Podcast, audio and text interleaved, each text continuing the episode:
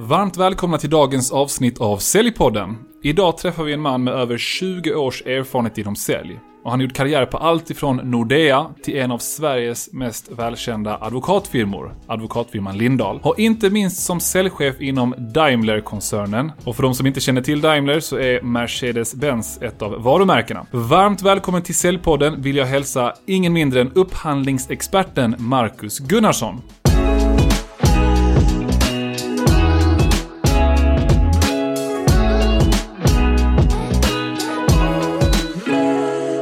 Tack så mycket. Kul att vara här. Ja, kändes det som en okej introduktion? Verkligen. Gud vad bra. Är det någonting jag, jag glömde där? Eller berätta för lyssnarna, vem, vem är Marcus? Ja, bra fråga. Kort och gott född eh, 1980 i Västerås. Mm. Var därifrån ursprungligen. Och jag personligen så är väl en, ja, någon som sätter stort värde på att umgås med familj, vänner, skidåkning, tycker om att vara på sjön. Så traditionella intressen. Jobbar ju då med eh, försäljning och utveckling alltid gjort. Och utveckling är väl det som alltid har drivit mig. Jag tycker det passar min personlighet. Jag är väldigt nyfiken av mig, tycker om att prova nya saker och hela tiden se liksom kontinuerliga förbättringar. Och därav har jag också jobbat i flera olika branscher. Mm. Men gemensamma nämnaren har alltid varit utveckling och eh, affärer och försäljning. Mm, mm, mm. Med stort fokus på upphandlingar. Speciellt de senaste tio åren. Ja, upphandlingar. Jag måste säga att det är inte det område som ligger mig liksom närmast hjärtat höll jag på att säga. Eh, men vi ska prata om en hel del saker idag som eh, förhoppningsvis både kommer få upp mitt intresse för upphandlingar och hjälpa många där ute som arbetar med upphandlingar. Men berätta, var började din säljhistoria någonstans? Från början så började de på ett ställe som heter Expert, om ni kommer ihåg Expert, gamla, som för er som inte kände till det, som ett mindre Elgiganten ungefär. Mm. Eh, jobbade där och på ett annat ställe som heter BRL, eller bilradiolagret som det hette då. Så sålde allt från eh, stereo till tv, kameror, bil, stereo och sånt där. Jag gjorde det medan jag pluggade. Det var skoj. Minns kom in där och hade aldrig jobbat med försäljning. Men eh, han chefen gav mig fem minuters introduktion. Så sa han, nej men det, det är bara ut och sälj. Ut på golvet. okej. Okay. Ja, ja, så det var Learning bara... by doing liksom. Verkligen, verkligen. Ja. Det var kul. Och jag hade en eh, god vän där som jobbade där också. Som var väldigt vass säljare. Väldigt duktig på att ta olika personligheter. Så jag tog mm. lite rugg på honom också. Just det. Och om minns du någonting när det kommer till liksom det första säljtipset du fick? Eller någon typ av säljtips som funkade i din roll som säljare på Expert? Som du kände, ah, men det här var ändå någonting som var bra och, och hjälpte mig sälja. Att vara orädd. Att vara orädd, okej. Okay. Ja, i alla fall där. Att och hur blir man det då? Bara, liksom, vad är det värsta som kan hända? Kör på. Och sen, alltså, är man nyfiken och tycker om att träffa människor så tror jag det hjälper, givetvis. Ja. Men det var liksom, nej men ut och testa. Och ja, visste man, sen learning by doing, visste, sålde man en produkt och märkte att jag kan ju inte så mycket om den här produkten. Då fick man lära sig det då. Ja. Men lära sig längs vägen lite grann. Och det här med att vara orädd, nu har jag nämnt det här i tidigare avsnitt, men eh, jag fick lite roliga kommentarer, lite mail och folk på LinkedIn som skrev efter jag nämnde det. Så jag nämner det här igen. Mm. Det finns ju en intressant bok som heter Spelet, The Game av Neil Nej, Neil Strauss. Jag tror att han heter Neil Strauss. Vet du, känner du till den? Jag, känner, jag har hört uh, boken. och det är inte en, en, en bok, eh, liksom en, en, bok om hur man blir en raggningsexpert. Skämt åsido så handlar det om eh, om man vill bli bättre på att prata med kvinnor i det här fallet och på så sätt kanske träffa sin framtida fru eller vad man än har för ambitioner.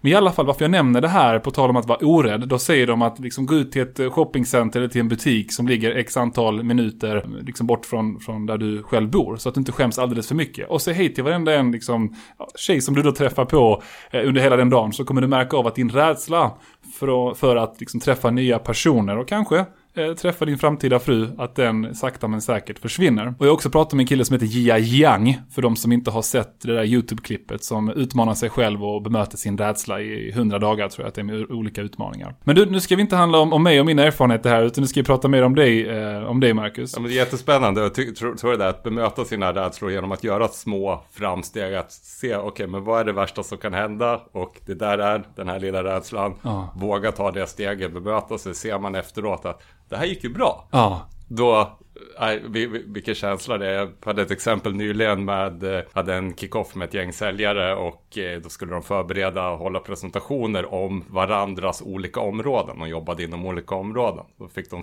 sälja då, skulle presentera de andras områden för att främja korsförsäljning, lära sig om varandra och en del var väldigt nervösa, hade aldrig hållit presentationer och var inte alls taggade på det här.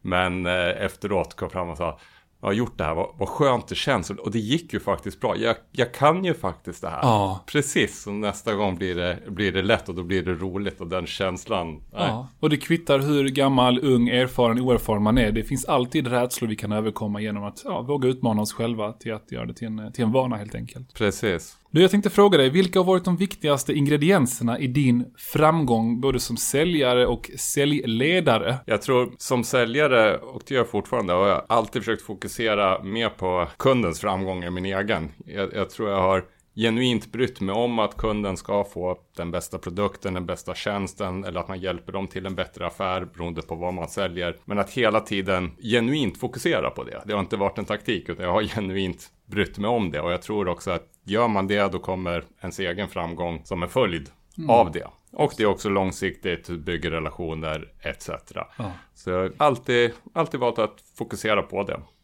Coolt. Som säljledare så tror jag väl mycket på att delegera, ge ansvar och att alla i teamet ska bidra med det de är bäst på. Och vi lyckas tillsammans som ett team. Och eh, alla har för och styrkor och svagheter. Mm. Att vi tillsammans gör det. Sen tror jag väldigt mycket på att, eller jag är allergisk mot detaljstyrning. Mm. 100% övertygad att när folk får mer ansvar, då känner de ett ägarskap för det de gör. Och har de ett ägarskap blir man automatiskt mer motiverad och vill göra ett bra jobb. Och Coolt. vill leverera. Så det är någonting jag tror starkt på. Ja, häftigt. Ja, det är någonting som jag kan lära mig en del av själv faktiskt när jag växer mitt team. Jag ska säga detaljstyr är nog fel ord, men jag har sånt kontrollbehov på att saker ska liksom gå rätt. Men eh, det biter en eh, i, i rumpan, jag på att säga, förr eller senare. Eh, för att man har inte tid eh, att göra det heller. Och människor växer inte till den grad som de kan växa om man detaljstyr för mycket. Så det, det tar jag med mig. Jag tänkte på det du sa med att liksom kundens intresse före ditt eget. Jag analyserade en säljares säljmöte här för två veckor sedan. Mm. Och då hörde jag honom säga så här, vilket överraskade mig lite, för det är inte många som säger det. Han sa så här att om vi skulle komma fram till i det här mötet att de behov ni har, att vi inte är den bästa leverantören för att, för att liksom tillfredsställa de här behoven, då kan jag jättegärna rekommendera ett par kollegor i branschen. För min ambition i det här mötet och i ett potentiellt samarbete, det är att du ska känna hela vägen att jag är här för er skull, för att skapa dem, liksom, hjälpa er nå era mål med eller utan vår lösning. Och man märkte verkligen på kunden hur hela liksom dynamiken i samtalet förändrades. Från att det var en defensiv person i det här läget, den här kvinnan som man pratade med, till att bara öppna upp sig och känna liksom, ja ah, men det här var en, det var en genuin kommentar från mm. säljaren. Så att, att våga säga det till kunden att jag är beredd att släppa den här affären ifall vi inte är rätt leverantör för er. Jag kan till och med hjälpa er hitta någon annan. Det är det som är syftet med det här mötet. Och det är inte många som kan skapa den känslan i ett möte, men jag tror att du är väldigt bra på det. Eh, det är ett fantastiskt exempel och det där tror jag stenhårt. Kan man göra det, visa på den, vad ska man säga, integriteten eller liksom också självförtroendet att man vågar göra det. Och för då levererar du ju också, när du levererar så levererar du ju kvalitet då. Mm. Alltså, du vill inte leverera någonting som är, om du inte är perfekta passformen eller vad man ska säga. Ja. Brukade ha som mantra lite att om kunden efter de har fått sin tjänsteprodukt levererad och har betalt fakturan, om de inte är på en bättre position då än innan, då ska vi inte sälja någonting till dem. Ja, och, och, man kan till och med gå så pass långt i vissa fall. Nu blir det här nästan aldrig en realitet, men jag minns själv att jag i ett säljmöte här för någon vecka sedan sa det här till kunden att jag är så säker på det värde jag kan skapa för er att ni får, ni får pengarna tillbaka till och med ifall ni inte får ett resultat av den här satsningen.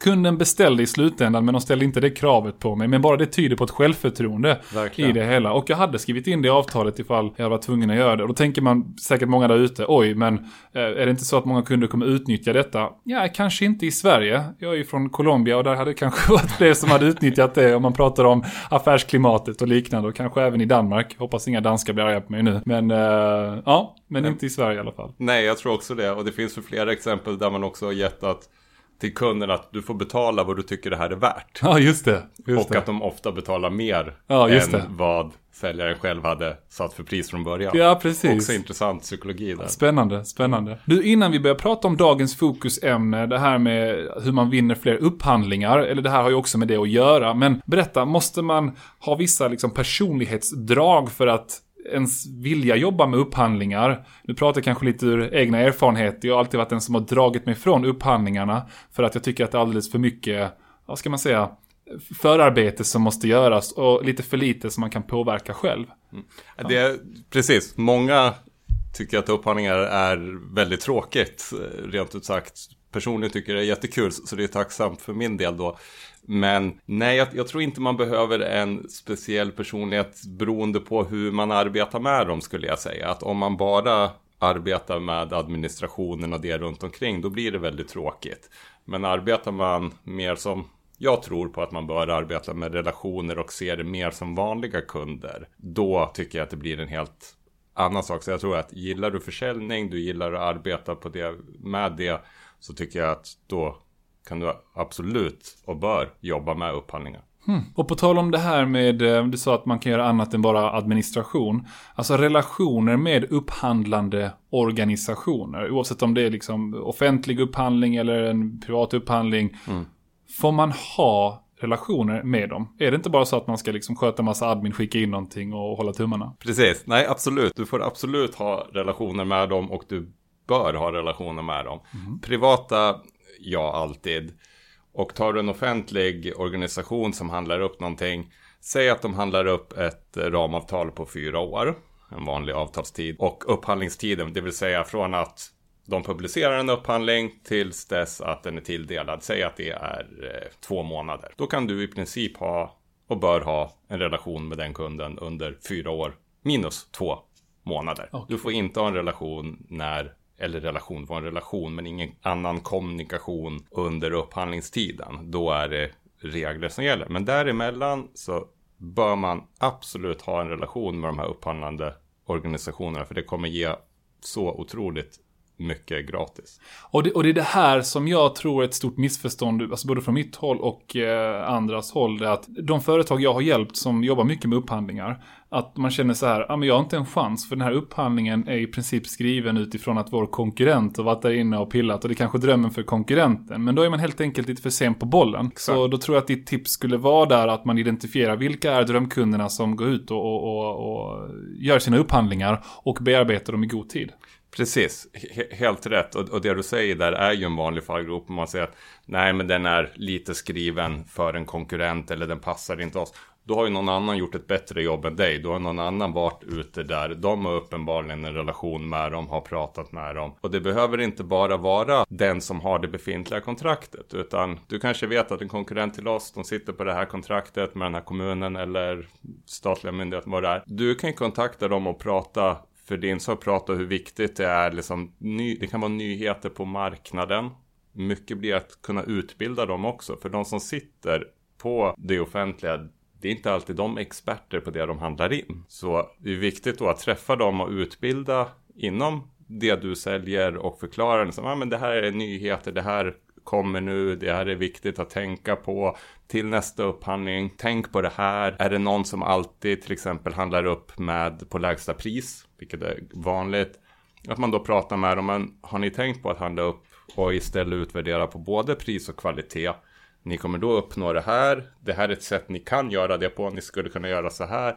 Då kommer ni få en högre kvalitet. Ni får en lägre totalkostnad. Är det intressant? Mm. Att man pratar med dem för en dialog och även utbilda dem inom det här. Just det. Och när, vi, när du kommer till mer privata upphandlingar, och jag ska till och med ta ett exempel som inte jag tror att du i din värld kallar för en upphandling. Men eh, många kunder jag arbetat med, det är så här att någon kontaktar dem spontant och frågar om priser på vissa grejer. Och är rätt transparenta med att man frågar flera leverantörer om priser. Alltså det är nästan någon typ av mini-upphandling ja. egentligen. Och där många, många av mina kunder, åtminstone tidigare, arbetade med att ah, men då skickar vi ut priser och lite information om oss.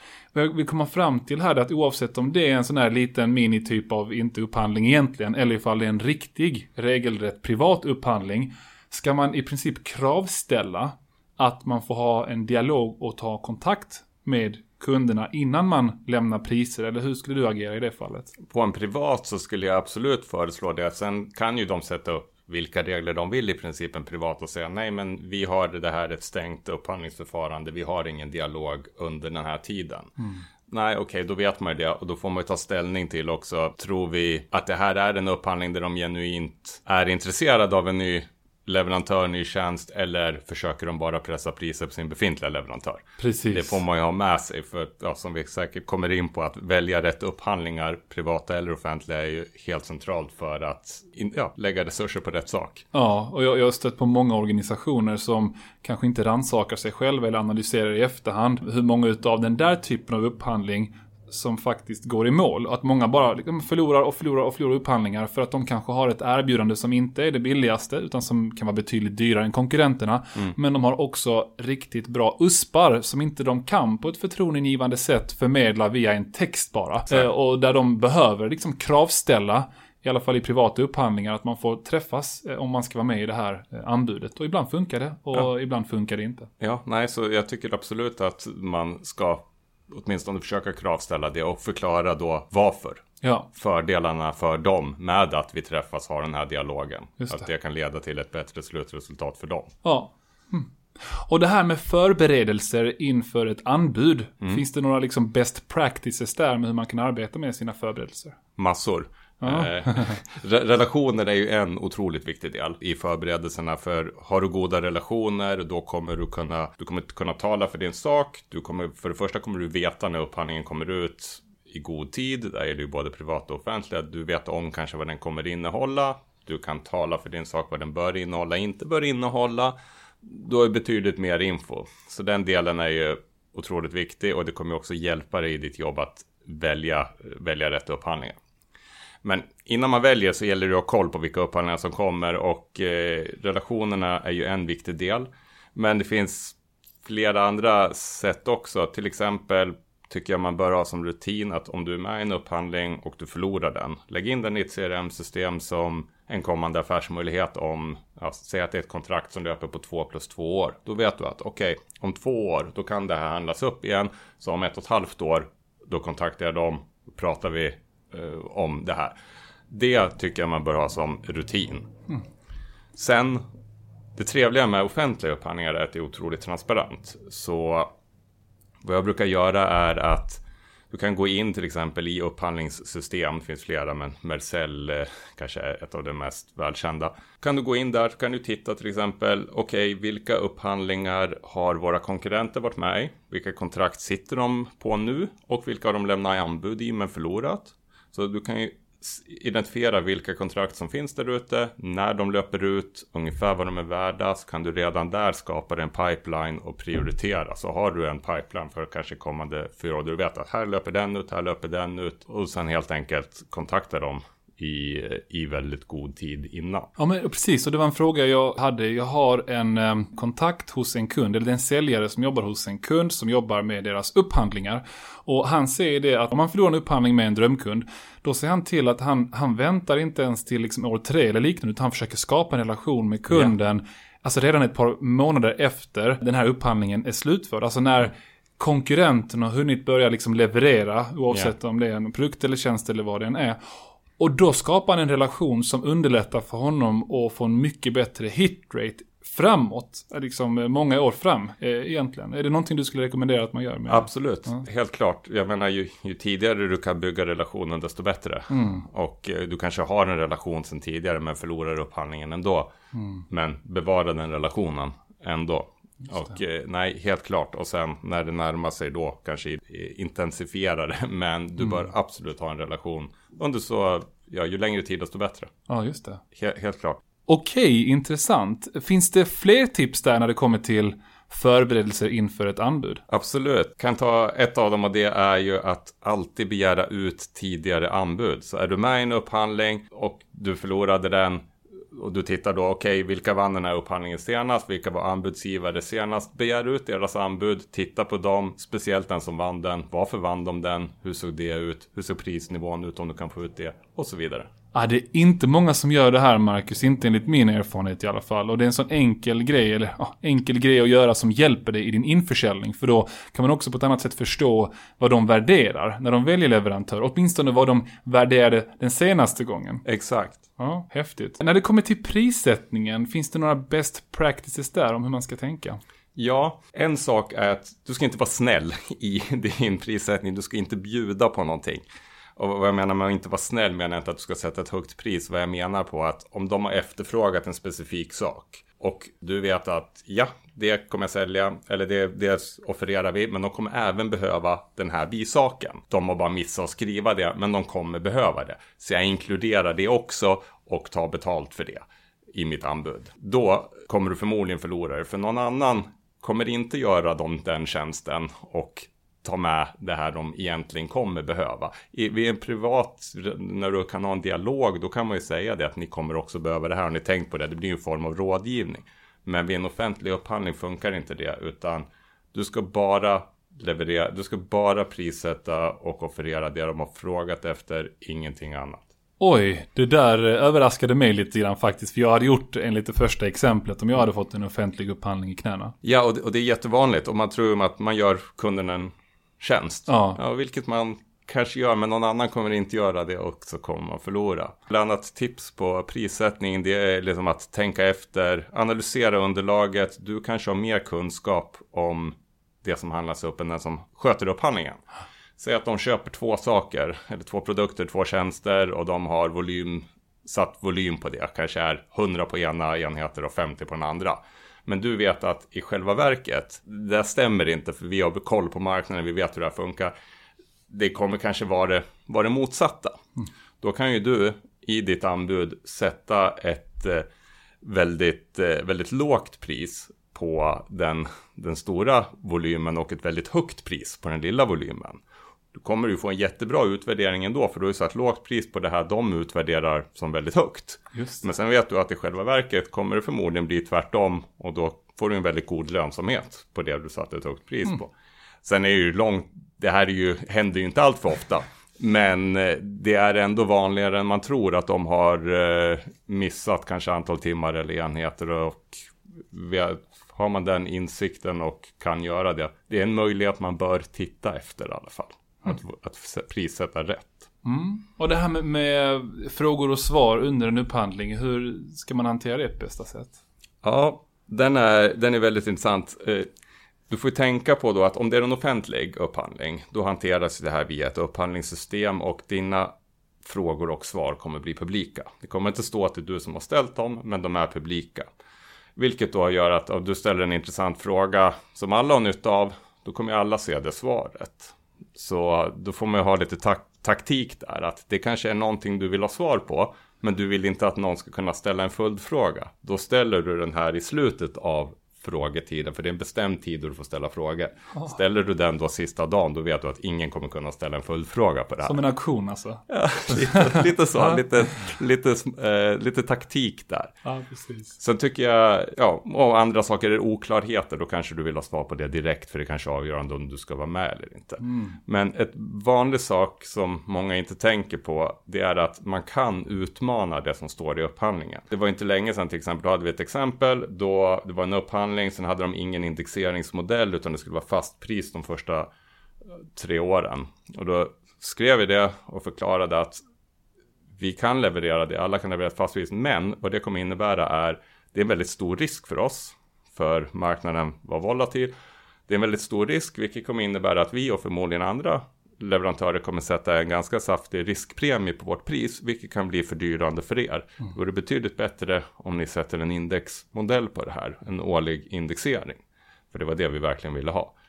Och det ledde faktiskt till att de ändrade sin upphandling och gick ut, yes, vi kommer köra en indexeringsmodell här. Så du kan utmana det som står. Och om man utmanar det, likt som man utmanar andra saker i en säljprocess och får igenom det. Mm. Eh, då har man också satt sig lite grann i kundens undermedvetna eller medvetna som en expert och som någon som faktiskt försöker hjälpa kunden till att fatta ett bättre beslut. Ja, precis. För att de vet ju om, om att det är allas, alltså det, förutsättningarna kommer förändras för alla, inte bara för dig som leverantör. Exakt, och samma sak om det är något krav som du till exempel nästan uppfyller men inte riktigt, men du vet att konkurrenter gör det. Ställ då frågan, är det okej okay med en viss avvikelse på det här? Är det här okej? Okay? Det kommer leda till samma resultat. Ni har ställt ett detaljkrav, men vår lösning ger samma resultat. Är det okej? Okay? Sådana, att man vågar utmana det. Ja, Häftigt. Du, vanliga fallgropar, nu har vi pratat om en del Mm. utav dem. För att var, varje tips kan man också göra till en fallgrop om man inte följer tipset såklart. Men finns det andra vanliga fallgropar man ska passa sig för i en upphandling? Ja, en vanlig sak, förutom det vi diskuterade, är väl att man kanske inte svarar på frågorna vad de verkligen frågar efter. Är det en beskrivning, så att att de säger vi vill ha en företagsbeskrivning som innehåller det här, det här, det här, det här. Viktigt då att inte bara ge din van, en företagsbeskrivning utan ticka de här orden som de har begärt att den ska innehålla. Jag brukar ta den meningen, klippa ut, lägga den överst i min beskrivning, se till att jag tickar varje ord. För det är en sån sak som du kan åka ut på eller någon kan överklaga på annars. Sen är det andra saker såsom se till att alla tidsramar är uppfyllda. Om du ska lämna in ett certifikat eller eh, bevis på någonting, se till att du följer de tidsramar som står. Till exempel en referens får bara vara så här gammal. Eller liknande. Och det kan vara mycket att hålla koll på där kan jag tänka mig. I Ja. lite större upphandlingar. Exakt, så det är väldigt viktigt i ditt hur du arbetar med upphandling att du har en tydlig struktur. Du har satt ner alla frågetecken, du vet vad som ska levereras in. Okej, vilka beskrivningar ska in, vilka bevis ska in, vilka är kraven. Så du har, du har koll på det här, du har en struktur. Du har sett ansvaren i många som jobbar med upphandlingen. Vem gör vad? Vad tar mest tid? Vad bör vi börja med? Och så vidare.